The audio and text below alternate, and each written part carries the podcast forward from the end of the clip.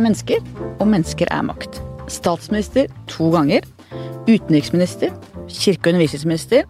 Da er du en mann som har hatt mye makt. Kjell Magne Bondevik, velkommen. Takk for det. Du blir av mange ansett som beregnende, en fyr som alltid har vært opptatt av makt og posisjoner. Det skal vi komme tilbake til. Aller først reklame. Jeg hører på lydbok når jeg ligger på stranda i Sydney. Det er 38 varmegrader og hetebølge. Og da hører jeg på Roy Jacobsens 'Hvitt hav'. Det er veldig mye roing og sløying av torsk. Og frosne koldbrannfingre. Hun hadde glemt votter og kunne ikke bevege fingrene.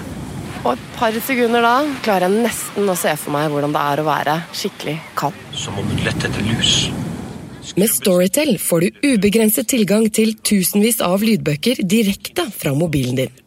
Prøv Storytel gratis i 30 dager på storytel.no skartveit. Årets stortingsvalg ble dramatisk for ditt parti, Kristelig Folkeparti. Og ikke på en god måte. 4,2% oppslutning. Er tiden for et Kristelig Folkeparti i Norge over? Nei, det tror jeg ikke. Fordi at det at en har et parti som er en klar stemme i en del viktige verdispørsmål, som har med menneskeverd, eh, som har med nestekjærlighet, solidaritet å gjøre, det går Den tiden er ikke over. Eh, det var flere ting, tror jeg, som bidro til at det ble et dårlig valgresultat nå. Det er mange som har spådd KrFs død eh, for flere år siden. De fikk ikke rett, og de som gjør det nå, tror jeg heller ikke kommer til å få rett. Men det har jo dumpa langsomt ned og ned og ned og ned, da. Det har dumpa nedover, og det er klart en som er glad i partiet, sånn som jeg, syns dette er veldig leit. Eh, men jeg husker også tilbake til min ledertid i partiet, at vi hadde faktisk noen galluper ned mot sperregrensen. Jeg ser enda meg sjøl stå i en trang gang ute i den stortingsleiligheten vi hadde i Prinsdal og snakka med nestleder Solveig Solli, og vi hadde det vondt begge to på telefonen. Og så reiste vi oss, og så kom vi jo tilbake så det suste i 97 og fikk et rekordvalg nærmere 14% Så jeg tror at hvis KrF makter å treffe noen strømninger i folket, som den gangen ga oss nesten en automatisk oppdrift. Hvis vi klarer det en gang til, så vil det komme bedre tider. Ja, for nettopp i denne storhetstiden, slutten av 1990-tallet og første del av 2000-tallet, så prøvde dere å gjøre KrF bredere og mer litt kristendemokratiske partier i Europa, som Angela Merkels CDU i Tyskland, og professor Janne Haaland Matlari laget til landsmøtet i 1999 i Bergen, hvor jeg også var, et utkast, et manifest om hvordan man kunne få til det. Men det ble aldri sånn. Hvorfor ikke det? Nei, det har jeg ikke noe godt svar på, men jeg husker det landsmøtet også veldig godt. Da hadde vi galluper på rundt 20% Og dere var litt høye? Da var vi høye. Og jeg tillot meg å si at KrF skulle bli det ledende parti på ikke-sosialistisk side. Ja, jeg husker det. Fikk jeg høre igjen etterpå. Nei da, det er klart den blir berusa av, eh, av så gode tilstander. Nei, jeg har ikke noe godt svar på det, for det var jo Valjer hadde en stor del av æren for dette. Og jeg tror kombinasjonen av henne som partileder og meg som statsminister var god for partiet. Var dere KrFs dream team? Drømmeteamet? Det er jo farlig å definere seg sjøl inn i det, men eh, det fungerte bra. Både oss imellom og uh, utad. Uh, men så er det jo noen som sier at KrF, ja, vi ser jo av statistikken nå, mista en god del velgere da vi gikk inn i vår andre regjering, som vi leda fra 2001 til 2005, hvor Høyre var det største. Det, det prega selvsagt også politikken. Og det, i, de, i de åra falt KrF eh, ganske mye nedover. Dere ble jo nesten halvert fra ja, 2001 til 2005. Vi ble det. Så jeg har også vært med, jeg har vært med både på seire og på nederlag. Mm. Og det har Knut Arild opplevd, og jeg håper han skal få oppleve noen seire igjen. Så det, det er selvsagt for enkel forklaring å si at det var bare fordi vi var sammen med Høyre, men eh, det er i hvert fall et faktum at det var da eh, fallet skjedde. Eh, for Hareide han har jo også jobbet hardt for å bredde ut KrF, og hans deltakelse i Pride-marsjen f.eks. må jo ses i lys av det. Og jeg opplever Knut Are Hareide som en åpen og raus fyr, men heller ikke han har klart å gjøre KrF annerledes. Betyr det at oppgaven egentlig er umulig? Den er jo sikkert vanskelig, men ikke umulig. Eh, Knut Arild sjøl er jo den første til å erkjenne dette når han gikk i den paraden. tror jeg det først og fremst var en uh, moralsk opprørthet over uh, drapet som vi opplevde. Eh, på denne Massakren i nattklubben i USA, i ikke sant? USA, ja, og retta mot homofile. Og han ville uttrykke sin solidaritet. Men eh, Var det klokt han å gjøre det? Å gå i den paraden? kanskje ikke sånn taktisk beregnende, men eh, når du er moralsk overbevist om noe, så skal du gjøre det. Så det eh, vil jeg si. Men, men eh, jeg tror hvis noen skal klare å stå i spissen for et parti som skal reises igjen, så er Knut Arild den rette mannen. For han har sine røtter og sin bakgrunn på Vestlandet, der KrF oppsto. Han kjenner den kulturen veldig godt. Samtidig er han en eh, ung, moderne småbarnspappa. Det er krevende men samtidig å være toppleder i politikken, men han har framtida foran seg. Og Derfor er det ingen lederdiskusjon i KrF, heldigvis, selv om resultatet nå var dårlig. Viktige saker for KrF som abort, homofilt ekteskap, er begge tapte saker i det offentlige ordskiftet, samtidig som det er veldig viktig for mange av KrFs kjernevelgere. Og det er jo også de sakene som kanskje skremmer bort en del av de som partiet egentlig ønsker å nå. Hva tenker du om det? Bør man justere kursen i disse spørsmålene? Nei, der igjen vil jeg si at uh, partiet, det er til enhver tid de som bestemmer i et parti, må gjøre det de mener er politisk uh, og etisk riktig, og ikke bare justere kursen etter eh, hvor vinden blåser, for da blir det jo et Gallup-institutt, og da kan du sette en Gallup-direktør som leder av partiet, og det skal han ikke ha. Partiet skal stå for noe. Og jeg har jo noen ganger sagt at det gjør, gjør jo egentlig ingenting om 80% av befolkningen er hardt imot det KrF står for, hvis de 20 er 20 for. Da kan partiet Det hadde vært fantastisk for KrF. ja, da hadde vi vært femdobla igjen, hvis de ville støtte oss. Sånn at eh, nei, de får stå for det de mener er, er riktig. Eh, Men, eh, men det er klart at utviklinga har jo på noen områder gått KrFs politikk imot, det er ingen tvil om. Men vi har også vunnet seire. Altså familiepolitikken, kontantstøtten, solidariteten med u-land. eh, Kampen for å beholde søndagen som en annerledes dag, fri for alminnelig handel f.eks. Dette er jo seire KrF har vunnet. Eh, Du ble aktiv i KrF, og du var student i Oslo på slutten av 1960-tallet, og var opptatt av typisk venstresidesaker som bistand, fattigdom ute i verden, sosialpolitikk i ditt eget land. Hvem føler deg nærmest i dag, Høyre eller Arbeiderpartiet? Verdimessig. Nei, er, da er du langt inn i samarbeidsdebatten, og det er bestemt Jeg spør deg personlig, da! Ja, jeg skjønner jo det, men dette blir jo ikke bare mellom oss to. Så eh, der er bestemt for et spørsmål som kan lede inn i den diskusjonen som partiet nå skal gå gjennom. Det avstår de fra å uttale meg om offentlig. Du har selv alltid vært flink til å manøvrere deg og partiet i vanskelige landskap. To ganger klarte du å bli statsminister, på tross av at KrF også den gangen var et lite parti, selv om det faktisk var tre ganger større enn deg i dag. Fortell helt kort, hvordan var det mulig? Det var jo fordi at eh, en kombinasjon av to ting. For det første at vi vokste sterkt, eh, og fikk altså nesten 14% i eh, 13,7 var det vel, i 97. Men også i 2001 gjorde vi et godt valg. 12,4, tror jeg. 12, ja, rundt der. Det var også et kjempegodt valg. Um, Så det var den ene grunnen til at jeg ble statsminister. Den andre var jo at KrF var strategisk plassert slik at uh, det var naturlig, fordi at når Jagland gikk av på sin berømte 36,9, et resultat Arbeiderpartiet i dag bare kan drømme om, Ja. eh, så var jo faktisk de tre sentrumspartiene den største alternative gruppering. Og derfor pekte Jagland på oss. Og Venstre og Senterpartiet var begge da mindre enn KrF. Vi gikk jo forbi Senterpartiet i valgkampen, faktisk. Og da var begge de to enige om at det var jeg som skal være statsminister, kandidat. Ingen andre hadde jo trodd det der var mulig. Nei, eh, ingen trodde det var mulig, og så begynte jo mediene å spekulere hvor mange uker vi skulle sitte før vi måtte gå. Og vi satt jo i to og et halvt år, og vi kunne jo egentlig, hvis vi hadde ønska det, sitte lenger. Men vi var så overbevist om at det var galt å starte disse forurensende gasskraftverkene, som ettertiden også har gitt oss rett i, at det tok vi konsekvensen av og gikk av. Andre gangen jeg ble statsminister, i 2001, så var jo Høyre det klart største partiet, og de gjorde et kjempevalg. Og da trodde i hvert fall ikke noen at det kunne bli deg. Nei, jeg trodde det ikke sjøl heller, og jeg var faktisk villig til å la være. Og nå skal jeg fortelle deg noe som kanskje ikke eh, er like kjent. Eh, KrF og Venstre var jo veldig opptatt av at jeg skulle være statsminister, dels fordi at de hadde erfaring for det, og Høyres leder hadde aldri vært i regjering før. Det, Jan Pettersen den gangen. Ja, Jan Pettersen, og det er en fordel for en statsminister å ha vært i regjering. Eh, Og de mente da får vi et mer sentrumspreg på det enn om også Høyre har statsministeren, og i tillegg til å være det største partiet. Dette begynte etter hvert som vi forhandla å bli personlig plagsomt for meg, fordi at det ble spredd masse eh, artikler rundt omkring i pressen, eh, og vi kan bare spekulere i hvor de var inspirert fra, som sa at Bondevik var bare opptatt av å bli statsminister og, og var kåt på det, osv. Og det var faktisk ikke tilfellet, enten folk tror meg eller ei. Eh, jeg var ikke så opptatt av å bli statsminister, men jeg ville gjerne at jeg skulle få til den trepartiregjeringa. Til slutt så sa jeg i forhandlingene at det er greit, Høyre kan få statsministeren. Det kan de som var der bevitne at de sa.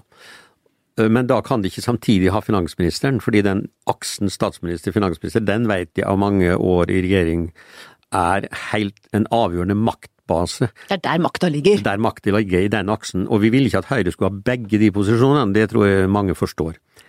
Da fikk Høyre problemer med å velge. Per Kristian Foss var jo den opplagte finansminister. Eh, og og, og han hadde mer lyst til å bli finansminister enn Jan Pettersen hadde til å bli statsminister? Ja, Det er mulig, det jeg ikke nok om. Men da hadde Høyre interne drøftinger. De hadde tilbud om å få statsministeren. Og så var det i tillegg uenighet om en del eh, politiske spørsmål, og enden på det visa blei jo da at det ble brudd. Men jeg var villig til å gi opp statsministerposten for KrF og sentrum. Eh, men så kom jo Høyre tilbake og ba om nye forhandlinger, som du kanskje husker. Så blei det det, og da sa de med en gang Kjell Magne, du kan bli statsminister. Så hadde de gjort opp det på kammerset. Men jeg var villig til at KrF skulle gå inn i regjering uten meg som statsminister. Og det blir faktisk ofte sagt om deg at du er mer opptatt av posisjon enn av politikk, at du er bereidende og selvopptatt, og du har et uttrykk for at disse karakteristikkene går inn på deg, du blir såret og lei deg, og det skjønner jeg veldig godt. Samtidig har du også sagt at kritikeren til en viss grad har hatt rett? Det må du utdype. ja, altså de, de, har rett på den måten at jeg har nok prøvd å se en del politiske situasjoner i flere trekk. Hva blir konsekvensene hvis du gjør sånn i neste fase? Og det mener jo i all anstendighet at en politisk leder bør gjøre. Eh, og noen kaller det beregnende eller har flere utganger. Eh, som reven, sier de om deg. Ja, og nå er det jo mange som beklager at de kanskje ikke hadde flere utganger. ja, det tror jeg er helt rett i. og, og, og, noen har liksom låst døra, for eksempel Jonas Gahr Støre sa jo i valgkampen ikke snakk om at Miljøpartiet og Rødt skulle komme i regjering, og man, mange i Arbeiderpartiet tror jeg syns det var uklokt. Eh, låser døra for dem og kaster nøkkelen. Så i den grad har de vel rett, men at jeg har vært opptatt av personlige ambisjoner og posisjoner. Det kan jeg bare med hånda på hjertet si jeg kjenner meg ikke igjen i. Men, jeg vet at det er vanskelig for folk til å tro det, men, men det er faktisk oppriktig. Jeg var jo til og med hadde jo bestemt meg for å gå ut av politikken i 1997. Eh, og, og, da hadde jo jeg har vært statsråd, jeg hadde vært partileder og stortingsrepresentant, men jeg hadde jo ikke vært statsminister. Men jeg var innstilt på å gå ut av politikken i 97. Eh, og, og, men så var det mange som gikk på meg, både i Møre og Romsdal, hvor jeg var valgt fra, og sentralt i partiet, og sa nei nå har vi en sjanse til eh, et historisk regjering etter valget. Eh, og Valgjerd ønska faktisk ikke å være statsministerkandidat, og sa Kjell Magne, det må du være. Eh, og da måtte jeg ombestemme meg også når det gjaldt Stortinget, og så ble det gjenvalg. Men tror du at du blir holdt til en høyere standard fordi du er kristen og tilhører Kristelig Folkeparti?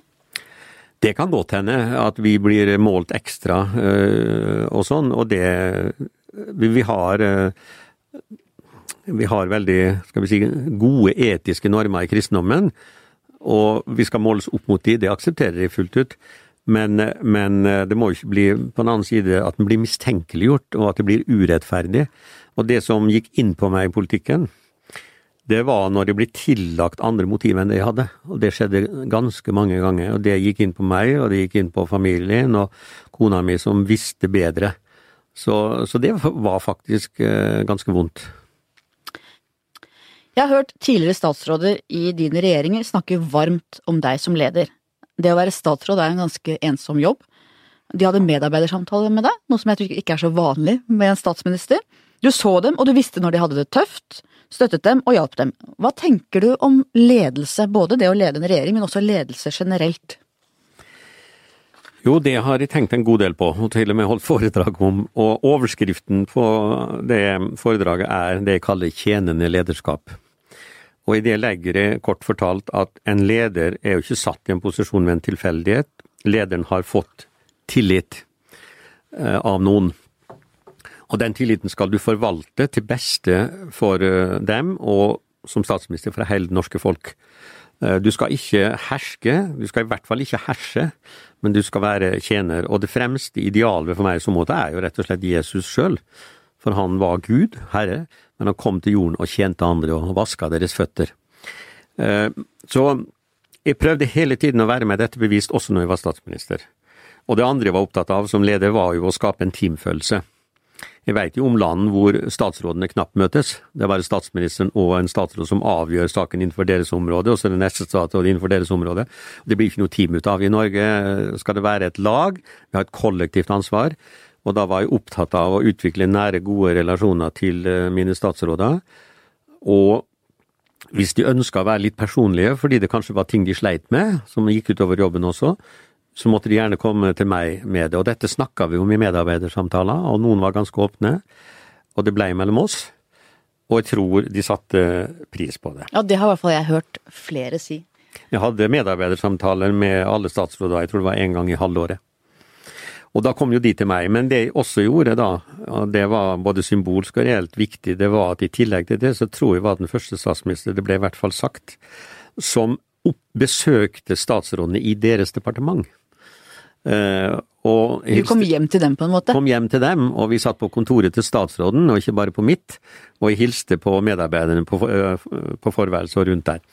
Uh, det tror jeg de satte pris på, for det skal ikke være sånn at en statsråd liksom må ydmykes og liksom komme på toppen av regjeringsbygget til statsministeren alltid. Hvorfor kan ikke statsministeren altså, bokstavelig talt gå ned og møte sine medarbeidere i departementet?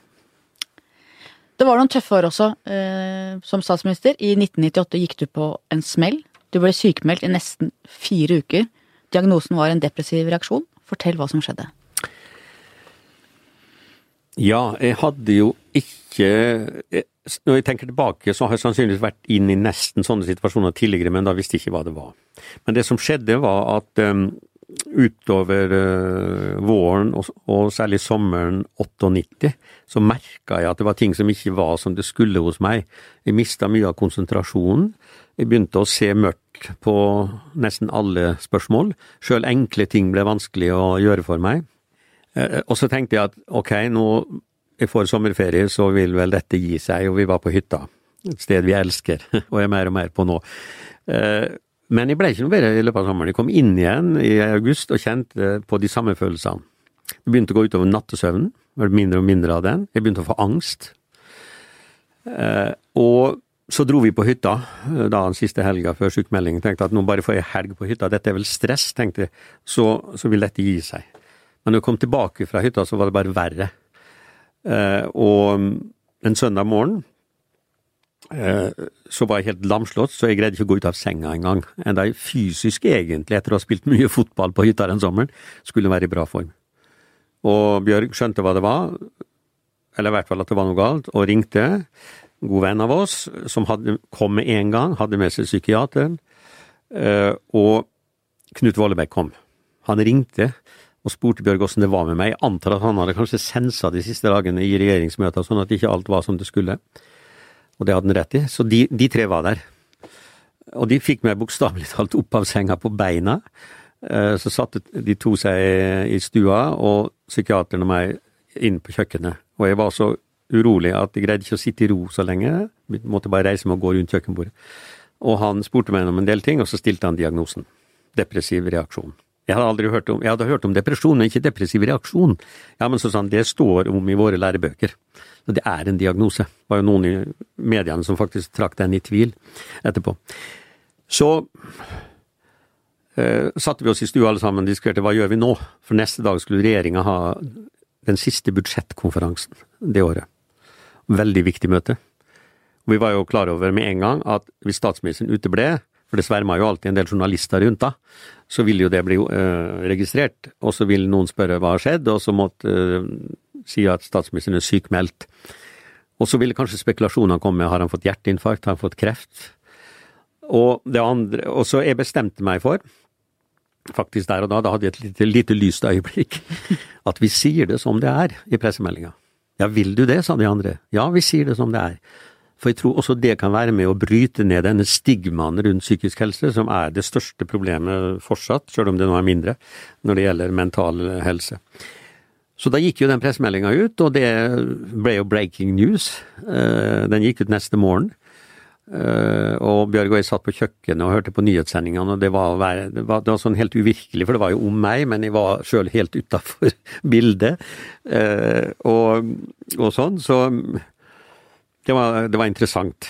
Eh, Så tok legen med meg opp på fjellet, der du for øvrig fant meg til slutt, eh, i hans hytte. Eh, Han bodde i en nabohytte. Og vi bruk, hver dag så var det sånn walking and talking-terapi, som vi kalte det. Vi gikk, og den første dagen greide jeg bare å gå ca. 50 meter, og så måtte jeg sette meg ned. Er du dårlig? Da er det dårlig, og det er interessant fordi at det psykiske slo altså over i det fysiske. Det henger henger jo sammen. Det henger jo sammen. det henger veldig sammen, det lærte de mye om da. Og neste dag gikk jeg kanskje 150 meter, og så økte vi på. Og så snakka han med meg, og analyserte meg inn og ut, og jeg måtte fortelle alt fra barndom og oppover. Det var veldig interessant. Eh, Og han konkluderte med at den viktigste grunnen, utløsende for denne depresjonen, er nok tapsopplevelsen du har hatt. For jeg mista tre nære, gode venner, jevngamle med meg, i løpet av kort tid, alle tre med hjernekreft. Og jeg tok meg ikke til, eller hadde ikke tid til å bearbeide sorgen, og han sa at ubearbeidet sorg er veldig energitappende. Jeg tror det har utløst dette. Og jeg var jo da, som du nevnte, eh, den eneste journalisten som oppsøkte deg på hytta til legen din. Vi kom ubedt, og du, og særlig de rundt deg, var sinte på VG. Og vi snakket så vidt sammen, du og jeg, om dette for første gang da vi møttes for et par uker siden på Akershus på en mottagelse. Fortell hvordan du opplevde det at vi banka på døra di den gangen. Er det klart, jeg var jo også da fortsatt fylt av angst, eh, som jeg ofte følger depresjon. Så du blir jo nesten eh, så redd. Hvem er det nå? Eh, og jeg ville jo ikke gå bort i døra, det var jo sønnen min som gjorde, og han uh, ønska deg vel ikke akkurat velkommen, tror jeg. De ble litt sinte på mine vegne. Det forstår jeg. ja, det er godt vi forstår det, så har vi fått snakka ut om det. Fordi at de visste at de trengte ro. Eh, og du aksepterte jo at ikke du kunne snakke med meg. Eh, og det ville vært helt galt i en sånn situasjon, og jeg forstår jo kanskje noe av motivet nå i ettertid, at eh, det gikk så mange rykter omkring denne sykdommen min at det var greit å få de avkrefta. Eh, så jeg var ikke Du kom jo og snakket med meg i døra. Gjorde det? Ja, du kom for at jeg sa til sønnen din si at Hanne Skartveit fra VG er her, si at jeg ikke noe intervju, jeg har bare lyst til å snakke med han og veksle noen ord. Okay. Og så kom du i døra og fortalte dere spilte yatzy og du gikk turer, og, og fotografen vår sto oppe i bakken med armene rett ned for å vise at han ikke tok bilder, og jeg sa vi tar ikke bilder. Nei. Eh, Så vi snakka sammen, men uten sitater. Ah, ok, sånn var det, ja. Ja. Riktig. Det var, noen no, minner meg om det nå, så husker jeg det. Det er nesten 20 år tilbake. Nei, du har jo alltid vært så hyggelig, så det, det skulle bare, egentlig bare mangle at jeg ikke gjorde det. Eh, og sånn, Men det, det er klart for meg, da, som var fylt av angst, og alt var mørkt og sånn, det, det var eh, det, var en, en litt sånn eh, sjokkopplevelse. Men det kommer jo over. Og det, det som var interessant ved sykdomsbildet, at om kvelden, utover kveldene, gradvis mer og mer, så begynte jeg å føle meg lettere. Og tenkte nå er jeg omtrent frisk. Legen var jo klok nok til å si at nei, dette kommer nok Han sa ikke at dette kommer nok til å ta lang tid. Eh, Men jeg sa ja, men nå føler jeg meg frisk. Ja, du er nok ikke frisk ennå. Og så hadde han rett, for neste morgen så følte jeg meg eh, mer depressiv igjen. Men det var to steg fram, ett tilbake, to steg fram, ett tilbake hele tida, og netto av det er jo som kjent framgang.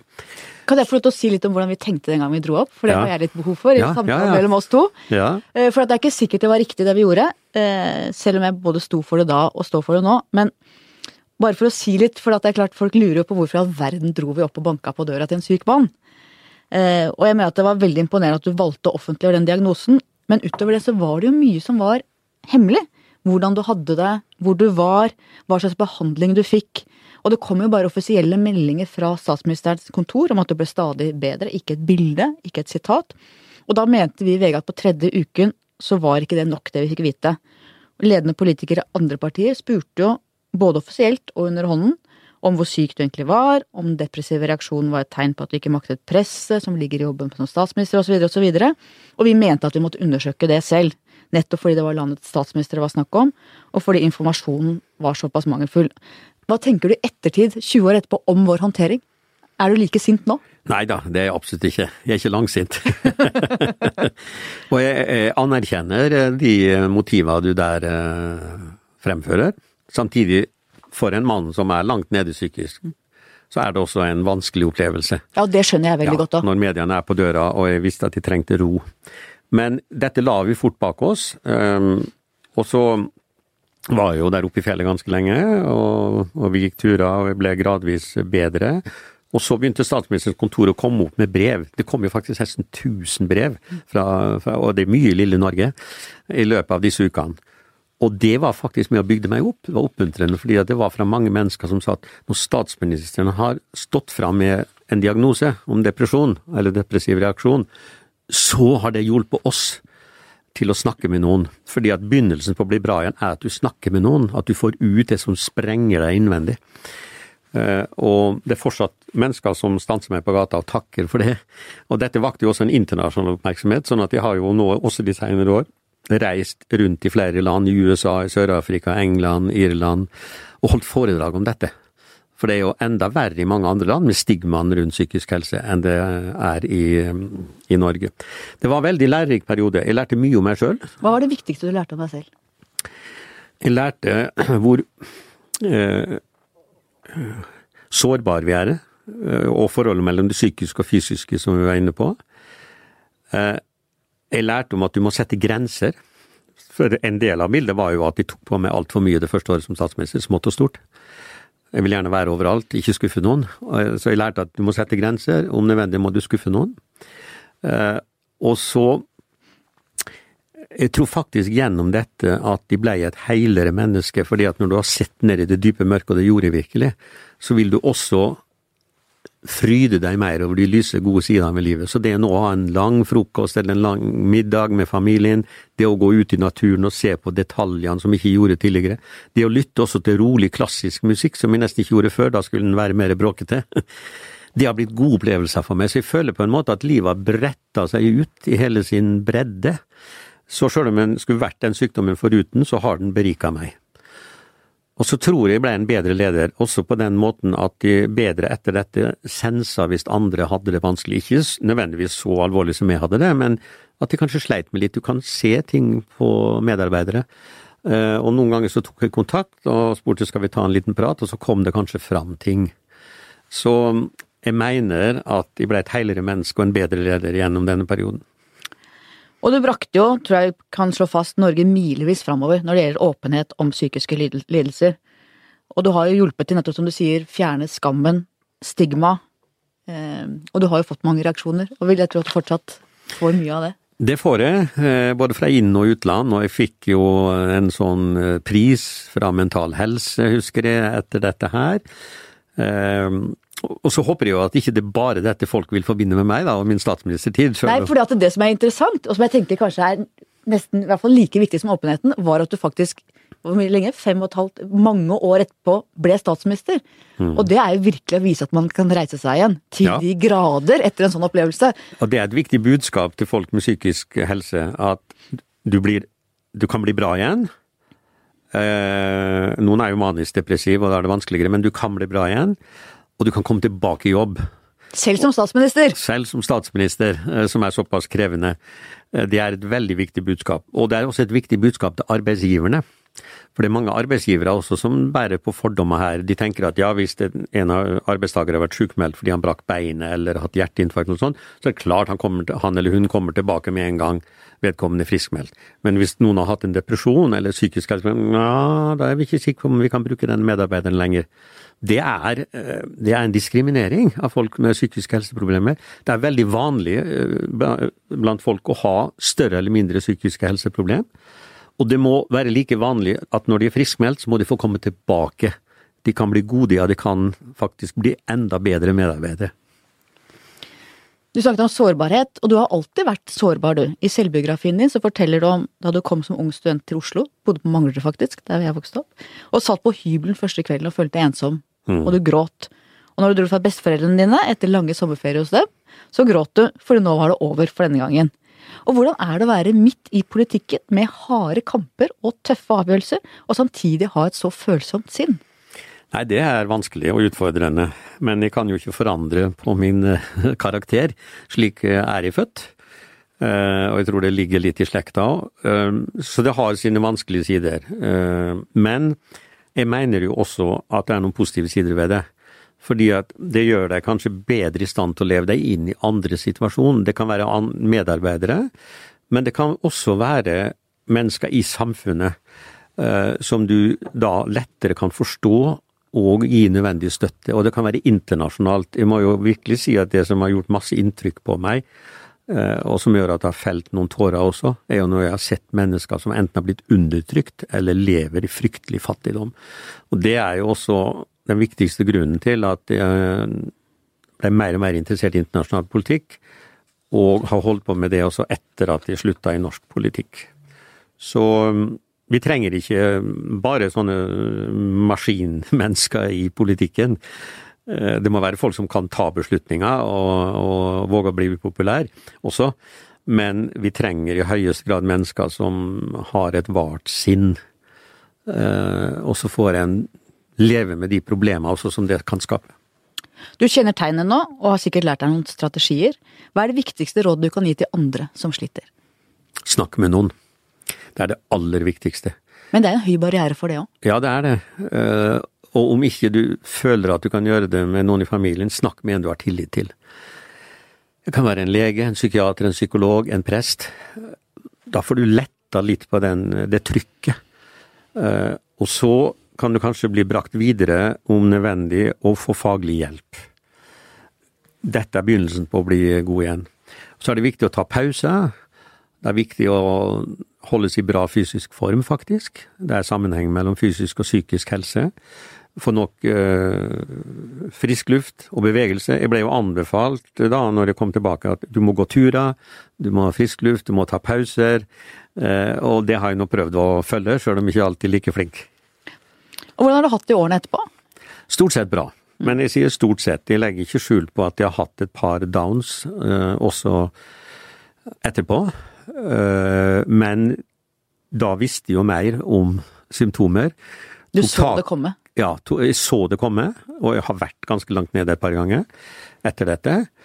Eh, men fordi jeg visste nå hva som var på vei, så kunne jeg tatt tak i det tidligere. Jeg oppsøkte min lege, eh, som jeg har hatt jevnlige samtaler med i perioder. Og han hjalp meg opp igjen, slik at jeg f.eks. ikke ble sykmeldt. Tror du det at du kommer fra et kristent miljø på Vestlandet, der det ikke er vanlig å snakke om følelser, har gjort det vanskeligere å være der? Lite følelser, mye plikt. Jeg har selv farsslekta mi fra bedehusmiljøet på Vestlandet, og tror jeg vet litt om hva dette er. Så hva tenker du? Jeg har aldri tenkt i de baner. Jeg skal ikke avvise Det har jeg. Har du det, ja? Eh, jeg har ikke tenkt den problemstillingen. I hvert fall ikke i mitt hjemmemiljø var det slik. Eh, vel, far var ganske kontrollert, og var vel ikke den som viste for mye følelser. Mor eh, var mer åpen eh, og kunne vise følelser. Så jeg har hatt litt av begge deler der, tror jeg. Så jeg, for meg tror jeg ikke hovedproblemet ligger der. Men det er klart, for noen kan det kanskje oppleves slik. Det kan bli for mange plikter og bud, og, og for lite åpenhet og, og tilgivelse.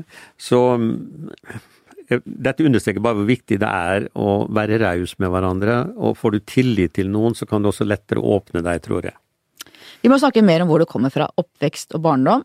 Du vokste opp i likhet med etterfølgeren din, Valgerd Svarstad Haugland, på en kristen folkehøyskole på Vestlandet. Fortell om Kjell Magne som barn. Det var en flott barndom, god barndom, når jeg tenker tilbake på den. Altså det, jeg bodde da i en sånn rektorbolig på folkehøgskolen, og allerede som liten guttunge så sprang jeg opp i skolegården veldig ofte, og syntes det var stas å få være sammen med elevene som jeg da syntes var veldig store. De var jo bare en sånn 17-18 år og fikk komme på rommene der og få godterier og sånn.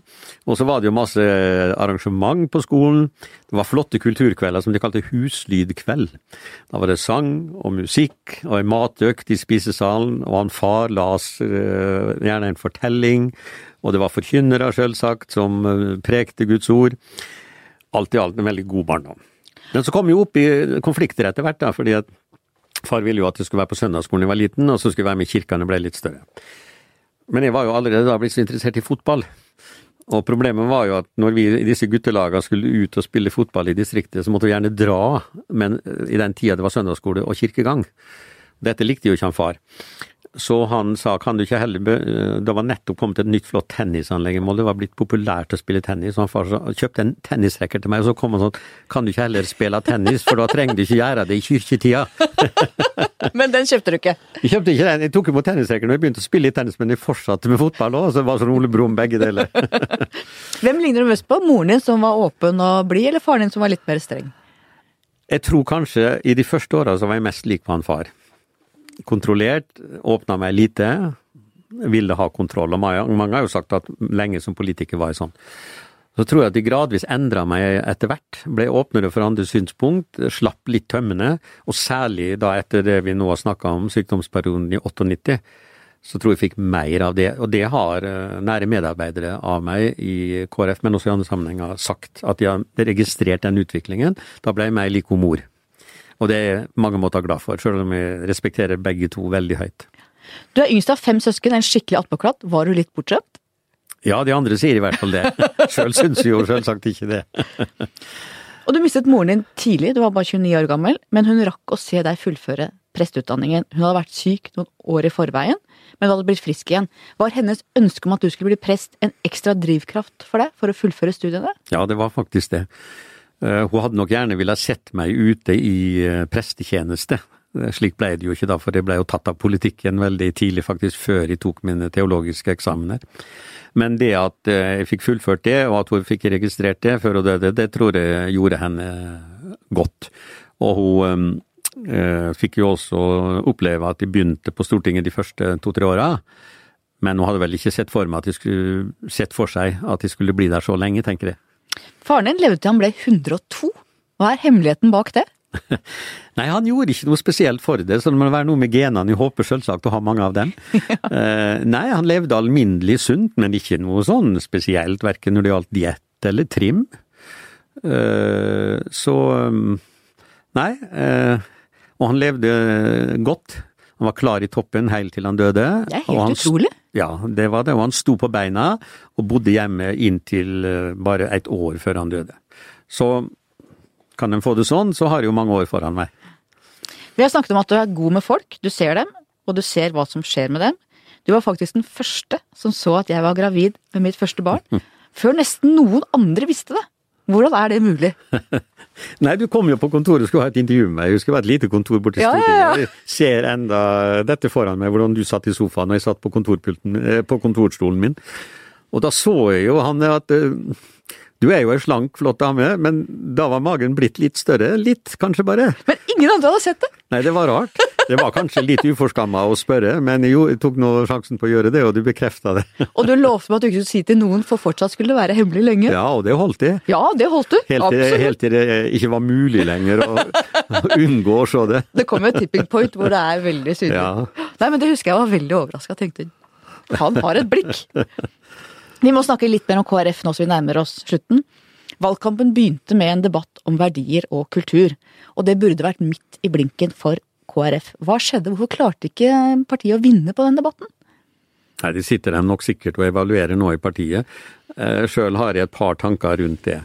Det ene er jo at dette fort blei en debatt om innvandring og islam.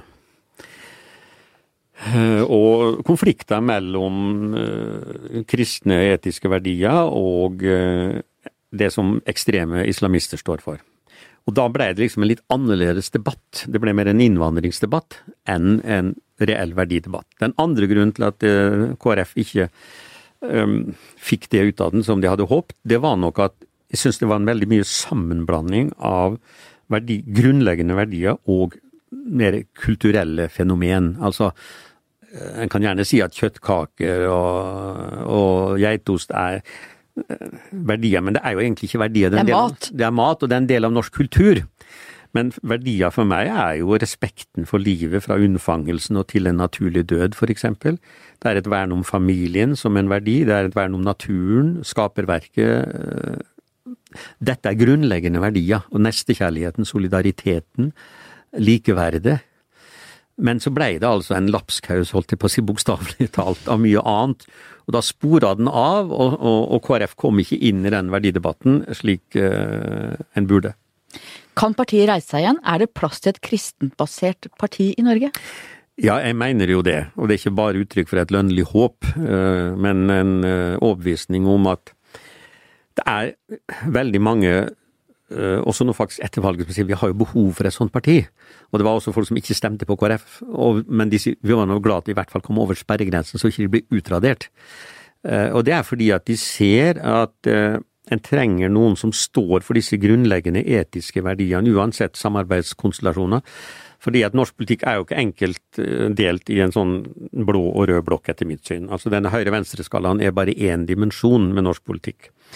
Eh, den går jo mye på synet på fellesskap kontra individ, og slår ut økonomisk politikk særlig. Men du har disse verdimessige konfliktene som ofte går på tvers av høyre-venstre-skalaen. Og så har du det som kalles sentrum-periferidimensjonen, eh, som slo ut ganske sterkt ved dette valget. Men der klarte heller ikke KrF å skåre. Nei, vi gjorde ikke det, for Senterpartiet tok kaka liksom der.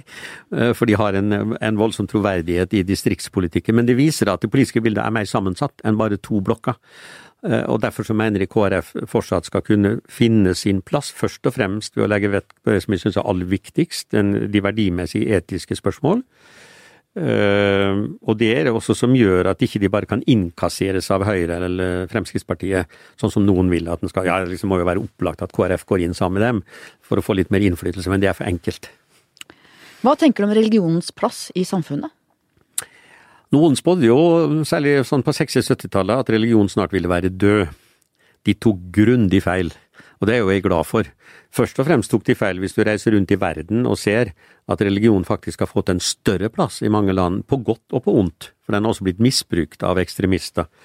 Men også nå tror jeg i Norge at gradvis så kommer kanskje religion til å få en større plass, og det skyldes jo selvsagt også innvandring, og muslimer som frimodig står fram med sin tro, eh, og som drar til moskeene på fredager. Eh, og jeg mener jo, og håper jo, at kristne nordmenn da kan bli mer frimodige for sin tro. Men det ser vi jo et stykke på vei òg, at en del kristne, kanskje unge ungdommer, eh, blir mer bevisst hvem de selv er i møte med noen som er så tydelige på hvem de er. Absolutt, og det registrerer vi nå, særlig i ungdomsmiljøet, at de blir. Og det syns jeg er bra. Eh, Det betyr ikke at en ikke respekterer de som tror annerledes. Jeg er jo av den oppfatning også etter å ha deltatt i en del såkalte interreligiøse dialoger, at troende som tror annerledes, da, enten det er muslimer eller buddhister og sånn, de respekterer deg som en kristentroende. Det de har mye større problemer med å forstå, det er ateister og agnostikere. Det skjønner ikke i det hele tatt. Uh, muslimer for eksempel, at ikke Gud er med i verdensbildet. Men meg, som de visste var prest og bekjennende kristen, ville de gjerne føre en dialog med. Og det er dette mangfoldet, denne åpenheten, jeg håper det kan bli mer av. Nettopp, for du er opptatt av dialog. I 2003 møtte du daværende president Katami til religiøs dialog i Genéve, og da kritiserte jeg deg etterpå for ikke å gå inn i de vanskelige spørsmålene som kvinners stilling, barbariske straffemetoder, den uløselige linken mellom religion og politikk i islam. Hvordan skal vi forholde oss til en religion som sier at, kvinner, at stein, homofile skal steines, og at kvinner har færre rettigheter enn menn? Vi skal ha en kritisk dialog. Jeg mener Yes. fortsatt vi skal ha en dialog uh, med dem, fordi at hvis ikke så vil trolig dette bare bli verre og verre. Det er jeg enig i, men Ja. må være kritisk. Den må være kritisk, og det kan godt hende at uh, det innlegget jeg holdt på den konferansen eh, som du minner meg om nå, kunne hatt mer av de kritiske elementene. Men jeg var veldig opptatt av å komme på talefot med Katami. Og det gjorde vi etter det, det åpne møtet hvor vi holdt hvert vårt foredrag, og som du refererte fra, så hadde vi en samtale uten presse, og da fikk jeg en god innpass hos han. Vi var begge. Det var jo da de sa at det var to land i verden som var styrt av prester, og det var Iran og Norge. Og det var jo for så vidt riktig, for han, han er en meget lærd muslimsk teolog. Og jeg er ikke så lærd, men jeg var en kristen teolog. Eh, Men vi kunne begge det religiøse språk og det politiske språk, og det var en stor fordel. Så da fikk vi sånn en dialog, og den fortsatte jo etter at vi kom i Oslo senter og han oppretta sin stiftelse i, i Teheran. Og vi hadde jo fem arrangement faktisk om islam og Vesten som ble spennende. Og der ble vi mer kritisk. Ja, det håper jeg. Ja, vi ble det. eh, Fordi da hadde vi opparbeidet en tillit oss imellom. Jeg er kanskje redd for at hadde jeg vært for tøff eh, i første møte med han, så hadde det ikke blitt noe videre dialog. Men det ble det, og det ble det etter vi gikk ut av våre stillinger begge to omtrent samtidig. Eh, Og der hadde vi faktisk en egen, da Oslo-senteret og han hadde dette programmet, så hadde vi en egen såkalt workshop i Oslo som faktisk gikk på likestilling og kjønn. Og da merka vi jo forskjellene. Det var en veldig interessant diskusjon med hun som hadde vært visepresident for Katamia, nemlig doktor Eptekar. Hun snakka om feminisme. Men det viser seg at med feminisme mente hun noe annet enn norske feministbevegelsen. Eh, Fordi at norske er jo mer opptatt av at det er like rettigheter, det er likestilling, mens hun var opptatt av at de feminine verdiene, de burde alle ha mer av, også menn. Vi menn. Da vil det bli et bedre samfunn. Men det var en veldig interessant diskusjon. Og hva med karikaturstriden? Den illustrerer i grunnen kjernen i konflikten mellom Vesten og islam. Hva tenker du i ettertid om norske myndigheters håndtering av den striden? Norske myndigheter eh, burde nok stått klarere opp for eh, pressefriheten, og dette har jo Jonas Støre, som ellers er en god og klok mann, fått mye pes for. Med rette. Ja, eh, og han ser sikkert det sjøl òg, men, men det at han prøvde å skape en dialog ut av dette, det vil jeg ikke kritisere ham for. Men burde han ha sagt unnskyld til Vebjørn Selbekk, redaktøren som trykket tegningene og virkelig ble hang i Var den som fikk alle problemene og hele blamen? Ja, det er vanskelig for meg som ikke er en av partene her å si du burde ha sagt unnskyld, eller du skulle ikke si unnskyld. Det, det holder meg unna. Men eh, jeg skjønner Selbecks eh, følelser rundt uh, dette. Men jeg er jo fortsatt av den oppfatning, som jeg også ga uttrykk for den gangen, at det var jo ikke noen plikt for Selbekk å trykke disse karikaturene som hadde stått i Jyllandsposten. Altså, du har rett til det. Og den retten vil de forsvare, og det burde nok kommet klarere fram i norske myndigheters eh, holdning den gangen. Men det er jo ikke noen plikt til å trykke hva som helst som kan provosere andre, eh, og som kan skape vonde følelser for andre. Så eh, det var jo flere karikaturer, men det var jo særlig den som fremstilte det, som for muslimer er den hellige profet Muhammed som en terrorist. Det var jo det som provoserte noe enormt. Bortsett fra at det var jo ikke det den illustrerte, den illustrerte de som misbrukte Muhammed til å utføre terror i hans navn. Det var jo det som var tanken bak den karikaturen. Det var kanskje tanken, men det ble oppfatta sånn i hvert fall, at her fremstiller de vår hellige profet som en terrorist. I hvert fall av de som ville fremstille det sånn. Eh, kanskje. Men, eh, men eh, Og det er jo som sagt ikke noen plikt til å trykke alt, men du skal ha retten til det. Det er jeg enig i. Ja, og det var, ikke sant, Når du ser på det oppslaget i magasinet, en gang, så er det journalistisk veldig godt. Det eh, forteller om det som var problemstillingen i Danmark, nemlig at ingen våget å tegne Muhammed i skolebøker, hele det trusselbildet der. Og den, den, reportasjen mener jeg kunne stått i hvilken som helst norsk avis. Det var ikke for å provosere, det tror jeg bare kan fastslå i ettertid.